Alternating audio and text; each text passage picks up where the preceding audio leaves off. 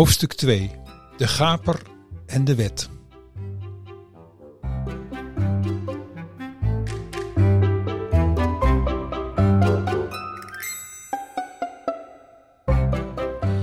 Een beroep of een ambacht uitoefenen kon in de middeleeuwen al niet zonder vergunning. Van oudsher waren alle beroepen en ambachten verenigd in gilden. Eigenlijk een soort vakvereniging waar iemand lid van moest zijn voordat hij zijn werkzaamheden kon beginnen. De vakopleiding, door middel van een leerlingstelsel, stond ook onder toezicht van de gilde. Drogisten en apothekers hoorden bij het Comans of Sint-Nicolaas-gilde, waar allerlei soorten van detailhandel onder vielen. De stedelijke overheid bekrachtigde met speciale wetten de regels van de gilden. Zo bestaat er een Haarlemse keur uit 1692 waarbij het een drogist wordt verboden om samengestelde geneesmiddelen, de zogeheten composita, te verkopen. Hij mag alleen bij Groiven gewichten handelen in simplicia, in geneeskrachtige kruiden.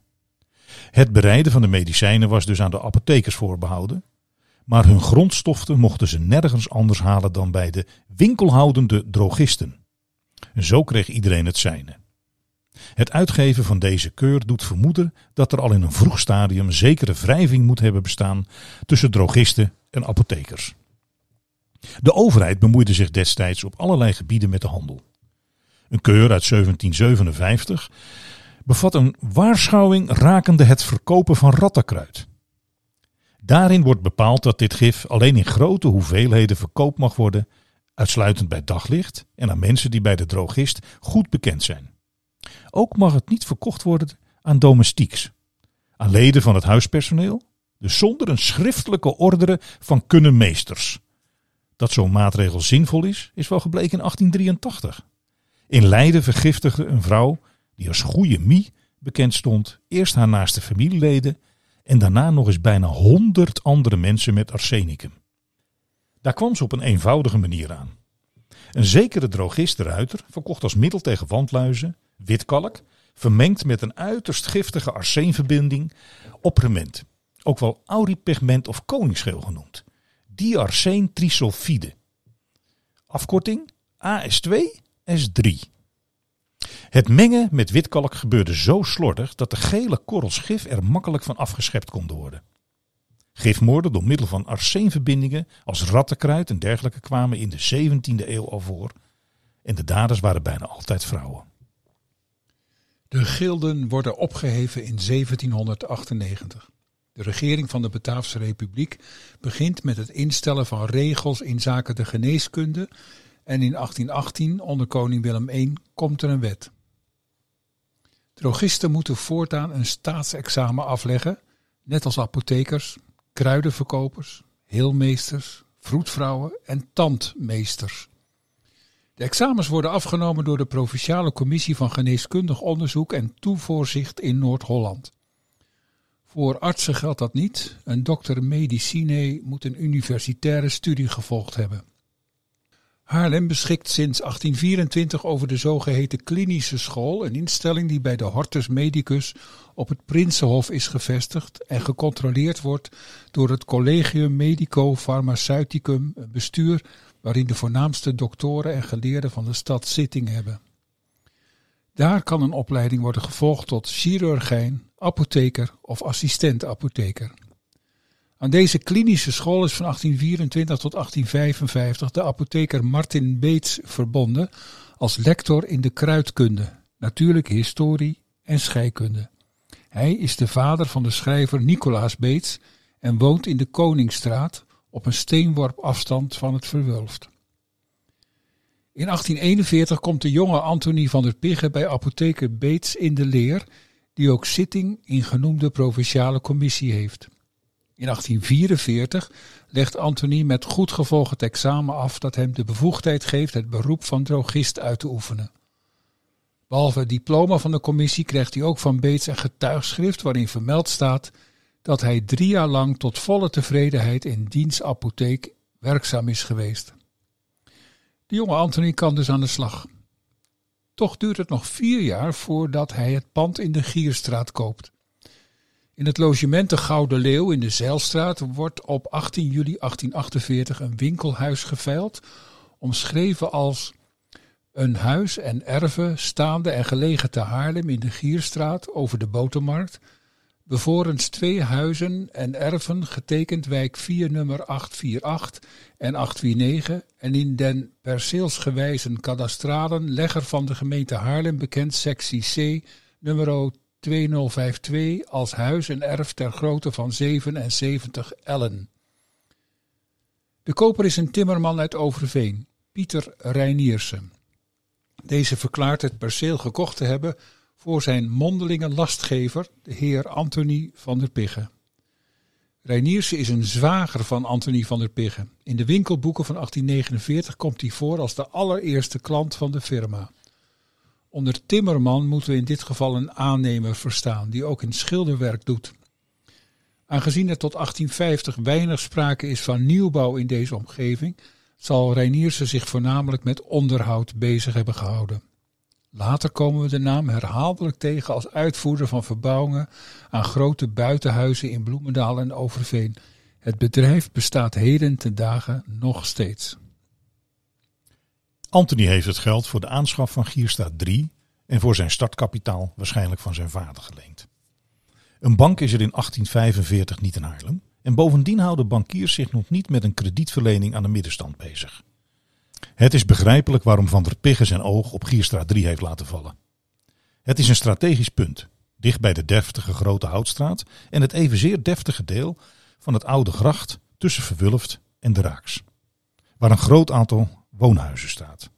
Bovendien heeft de winkel de botermarkt voor de deur, waarvan alles te doen is en waar veel mensen langskomen. Wat het verschil is tussen apothekers en drogisten is niet erg duidelijk. In 1847 wordt per advertentie in de Haarlemse Courant gevraagd een bekwaam apothekersbediende in een apotheek en handel in drogerijen, vervaren en chemicaliën. Deze apotheker verkoopt dus precies dezelfde artikelen als de drogist Antonie van de Pigge. De artsen, verenigd in de Nederlandse Maatschappij tot Bevordering der Geneeskunde, beschouwen apothekers in 1850 nog als veredelde kwakzalvers. Aan drogisten besteden ze helemaal geen aandacht. Die worden hooguit als onbevoegden aangeduid. In 1865 komt onder Thorbecke de geneesmiddelenwet tot stand. Die bedoeld is om een orde te scheppen in de chaos. En dat gebeurt met de bottenbijl. Door eenvoudigweg het drogistenexamen af te schaffen, dan zijn we van al die tweederangs geneesmiddelenverkopers verlost, is de gedachte van de wetgever. Maar de wet is niet erg waterdicht geformuleerd. Er is een lijst van stoffen die uitsluitend door erkende apothekers mogen worden verkocht. Maar de verkoop door niet-bevoegden is dan alleen strafbaar als die bewijsbaar tot geneeskundig doel plaatsvindt. Drogisten die niet langer erkend worden en dus voor de wet niet bevoegden zijn, kunnen dan in feite van alles verkopen. Want dat geneeskundige doel is nooit te bewijzen. De ruzie tussen apothekers en drogisten gaat dan ook tot op de huidige dag gewoon verder. Verder krioelt het van de kwakzalvers en van de kwakzalversmiddelen, vooral in de ambulante handel. Van der Pigge heeft vanuit zijn winkel regelmatig uitzicht op de meest onwaarschijnlijke vormen van heelkunde die op de botermarkt bedreven worden.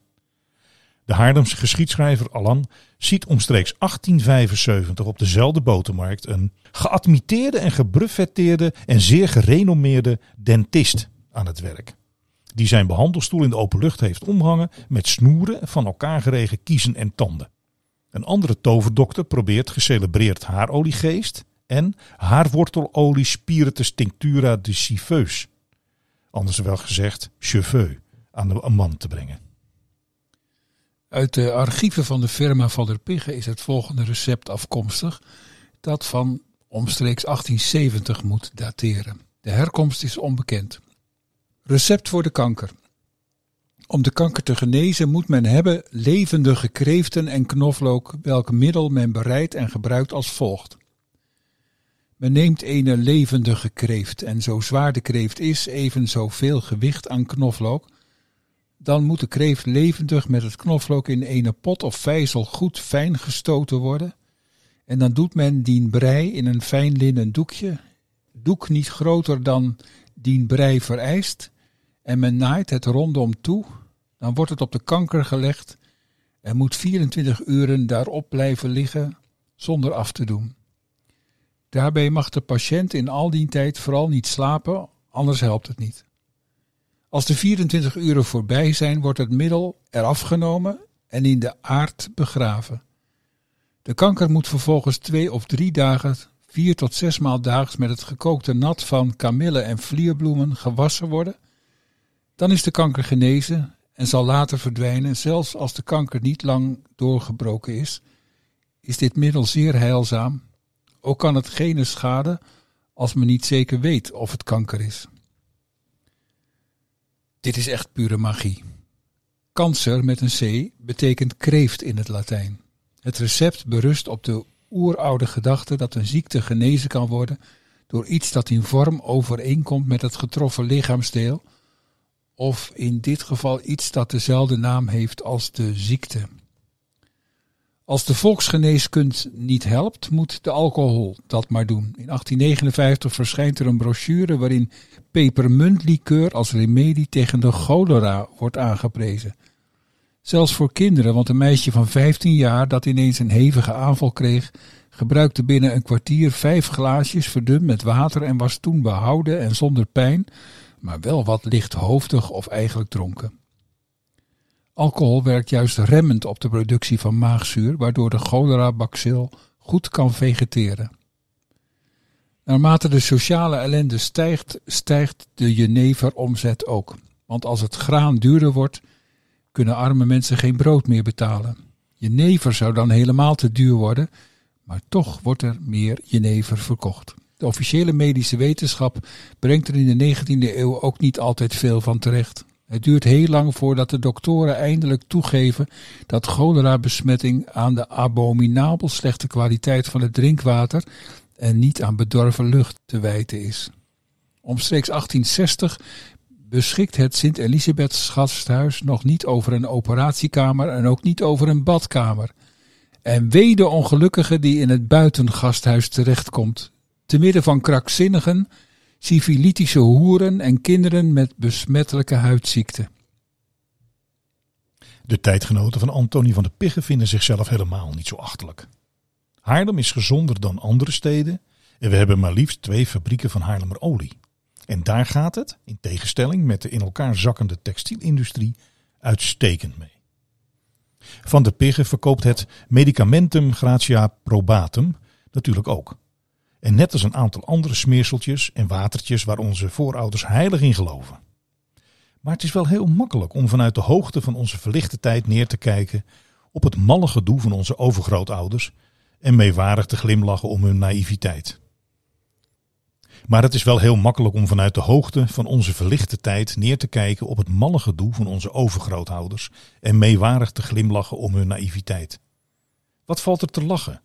Alsof we niet in een tijd leven die onafzienbare rijen New Age verkruide vrouwtjes en alternatieve doverdokters voortbrengt.